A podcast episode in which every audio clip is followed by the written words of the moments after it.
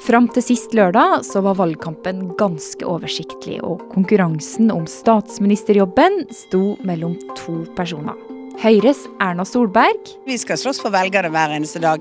og Arbeiderpartiets Jonas Gahr Støre. Norge står ved et veiskille. Men så kom helga. Velkommen til eh, landsmøtet, og velkommen eh, hjem til meg her på Og Støre sin nærmeste allierte i valgkampen vil nå plutselig selv ha jobben. Men hvorfor nøyer ikke den rød-grønne sida seg med én kandidat? Og er det egentlig så lurt å konkurrere mot hverandre? Du hører på Forklart fra Aftenposten, og jeg er Marit Eriksdatter Gjelland. I dag er det onsdag 9. juni.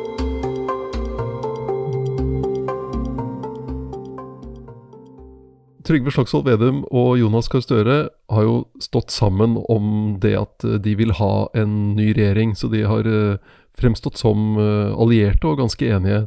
Kjetil Alstaheim er politisk redaktør her i Aftenposten. Det som er blitt tydelig nå, er at de har litt ulike syn på hva som skal komme i stedet for Erna Solbergs regjering.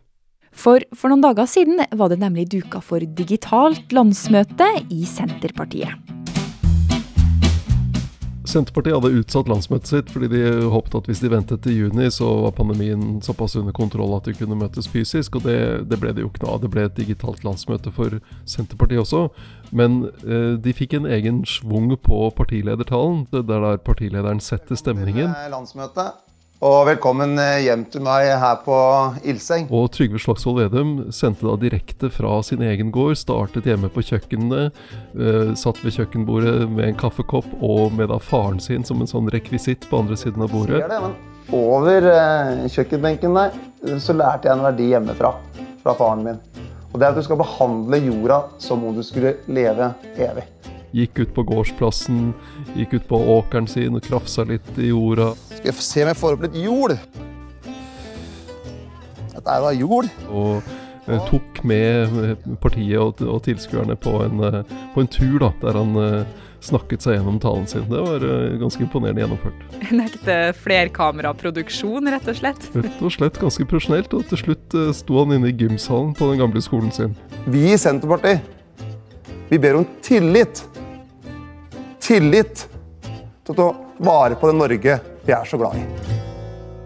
Det som skjedde ganske fort, var at uh, de ulike politiske sakene kom i skyggen av eh, eh, at det begynte å komme skriverier i ulike medier. Nasjonen var først ute om at uh, Vedum i løpet av landsmøtehelgen kom til å bli utpekt som partiets statsministerkandidat.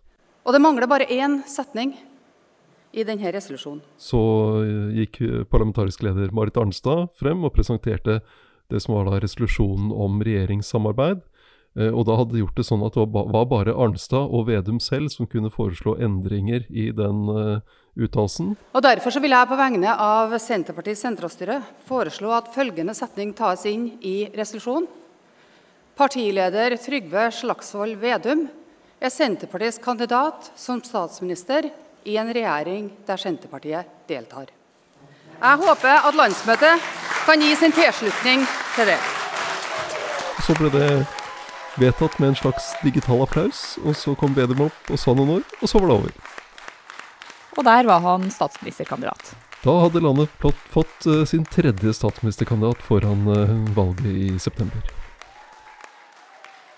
Senterpartiet har sagt at ledelsen i partiet hadde diskutert Vedum som statsministerkandidat siden mai.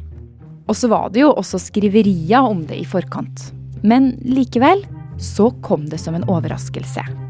For i mange måneder nå så har Vedum fått spørsmål om han er statsministerkandidat. Og ettersom meningsmålingene har vist bedre og bedre tall for Senterpartiet, så har spørsmålet kommet opp igjen og igjen.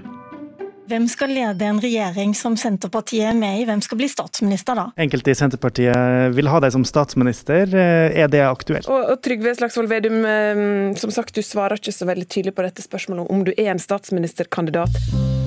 Og Vedum har svart alt annet enn et klart ja. Jo, men jeg jo, Det er kanskje ikke alltid jeg svarer det svaret du vil ha. Jeg er opptatt av at vi skal ha sakene og folket i fokus. Men eh, du sitter jo her. Er det et svar? Ja, det er det er hyggelig å være her, da. Jeg må si bare God morgen til alle som har stått opp på sånn der kald desembermorgen. Frem til eh, landsmøtet, og helt, helt til og med den samme morgen eh, som landsmøtet skulle starte, så har Vedum holdt fast på at eh, alle spørsmål om statsministerkandidatur og sånn, det er bare en avsporing. Han vil snakke om politikken, og han vil snakke om sakene. Og så gikk det da et drøyt døgn, og så var han utpekt som statsministerkandidat likevel. Og det her det kan man jo bli litt forvirra av. For hvorfor skulle plutselig Senterpartiet ha sin egen statsministerkandidat? Det kan se ut til at de to gode vennene Senterpartiet og Arbeiderpartiet ikke er så enige likevel.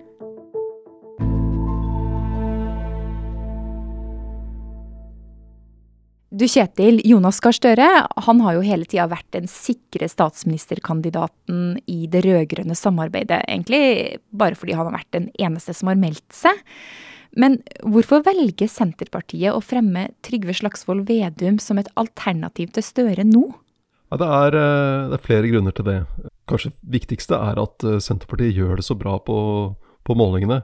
Nå ligger de på rundt 17% Det kan bli et rekordvalg for Senterpartiet. Og da mener de at det er riktig av dem å ha sin egen statsministerkandidat. Det ser vi også ved tidligere valg, at partier som har ligget godt an, har stilt med sin egen statsministerkandidat.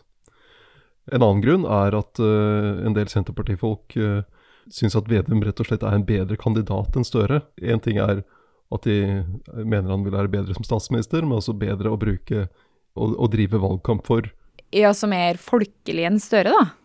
Ja, han appellerer nok til kanskje til litt andre velgere, i hvert fall i deler av landet. Og, og dette handler også om, om uh, hvordan Senterpartiet skal uh, uh, fiske velgere hos andre partier. For ifølge meningsmålingene så vil opp mot hver femte velger stemme på Senterpartiet. Og en del av de her velgerne er folk som tidligere har stemt på partiets argeste konkurrenter i valgkampen.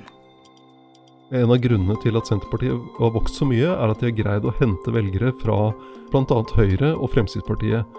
De tar fra andre partier også, også fra Arbeiderpartiet, men det at de greier å, å dra velgere over streken, som vi sier, altså bytte side i politikken, det er viktig for å kunne endre flertallet på Stortinget, sånn at det blir flertall for en ny regjering.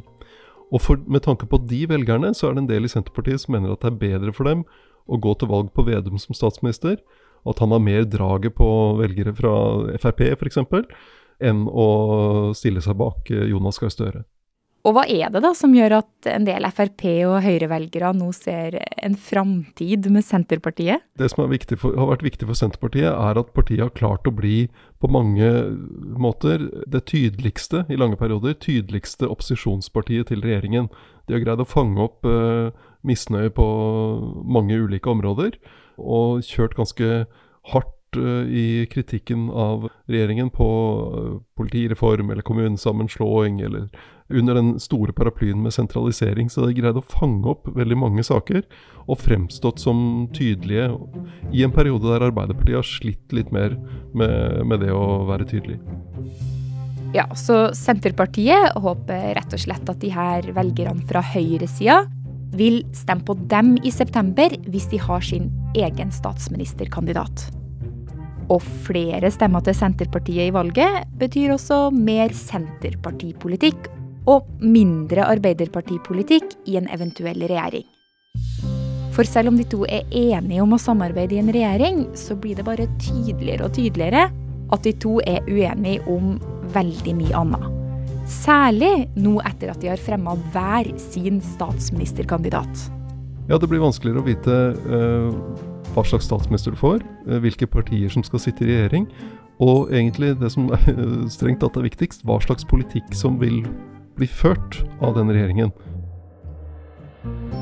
For mens Støre og Arbeiderpartiet vil ha med SV i sitt regjeringssamarbeid med Senterpartiet, så vil Vedum noe ganske annet. Da sa vi at vi ønska en Senterparti-Ap-basert eh, regjering. og vært tydelige på det fra 2016 til nå. Nemlig en regjering med bare Arbeiderpartiet.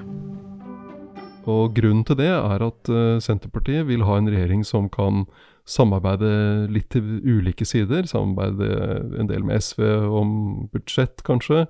Eh, men også muligheten til å gå til uh, Høyre eller Fremskrittspartiet eller kanskje KrF, hvis KrF uh, kommer over sperregrensen og blir store nok, for å forhandle en del, uh, om en del andre saker der Senterpartiet er mer uenig med SV og lettere kan finne partier de er enige med på den andre siden. Sånn som i rovdyrpolitikken f.eks., der Senterpartiet vil skyte mer ulv og bjørn enn det SV vil. Sånn som meningsmålingene er nå, så ser det ut til at Erna Solberg er nødt til å gi fra seg nøkkelen til statsministerkontoret til Vedum eller Støre etter valget. Men de to ligger ikke an til å få nok stemmer til å fylle flertallet av setene i den runde stortingssalen alene. Så de er avhengig av å samarbeide med andre for å få banka gjennom politikken sin. Og når de ikke klarer å svare på om SV skal med, og heller ikke vet hvem av dem som skal ha statsministerjobben, så er det en gyllen mulighet for Erna Solberg. Ja, altså hun kommer i hvert fall til å kunne spille på ulikheter og uenighet mellom de rød-grønne partiene. Men uh, hvem som tjener på dette er Det er ganske vanskelig å si. fordi hvis uh, Senterpartiet lykkes med det å tiltrekke seg velgere fra høyresiden, særlig fra, fra Høyre og Fremskrittspartiet, så vil det bidra til at det blir et nytt flertall, og at det blir et regjeringsskifte. Så det er, det er litt vanskelig å vite egentlig hvor, hvordan velgerne vil reagere på det. For du har nok også en del velgere som kan tenke seg å stemme Arbeiderpartiet, som vil være skeptisk til Vedum som statsminister. Og noen velgere ligger og flyter mellom Arbeiderpartiet og Høyre, og kanskje noen da flyter tilbake til Erna Solberg. Ja, så alt i alt, hva har egentlig det her å si for hvordan samarbeidet mellom Arbeiderpartiet og Senterpartiet blir, nå som de har hver sin kandidat? Ja, Det viser jo fram noen politiske realiteter. At de er, det er forskjellige partier, og de, de, legger vekt på ulike ting i politikken. Og så viser det at dette er opp til velgerne og hva slags matematikk de lager på Stortinget. Hvordan dette vil se ut eh, etter valget i september. Hvilke partier er det som kan danne flertall om forskjellige ting? Og hvilken styrke har de inn i forhandlingene? Så det blir uklart uh, hva som skjer hvis det blir et nytt flertall. Om det blir en ny rød-grønn flertallsregjering, eller om det blir en Arbeiderparti-Senterparti-regjering. Men uh, jeg tror ikke spørsmålet om hvem som blir statsminister, er det mest uklare her. For øh, Vedum han er jo en folkelig fyr, i hvert fall liker han å fremstille seg som det. Og mange liker han jo også, så har han noen sjanse til å bli Norges nye statsminister? Ut fra målingene som har vært gjort øh, til nå, så ligger både Støre og Solberg foran Vedum. Og så blir det spennende å se om det øh, endrer seg når, når, han nå er utpekt som statsministerkandidat. Men det skal veldig mye til for at uh, Vedum skal bli statsminister. Arbeiderpartiet er, sånn som det ligger an nå, markert større enn Senterpartiet. Og Støre har ikke støtte bare fra sitt eget parti, han har også støtte fra SV, han har støtte fra Miljøpartiet De Grønne. Mens uh, Vedum bare har støtte fra sine egne. Men Kjetil, alt kan jo skje i politikk? Ja da, alt kan skje i politikk. Og det, dette har i hvert fall gjort valgkampen enda litt mer spennende enn den var.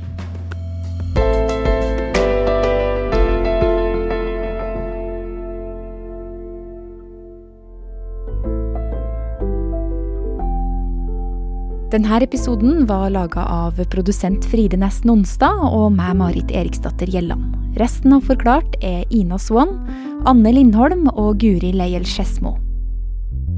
Du har hørt lyd fra VG, NRK og Senterpartiets landsmøte.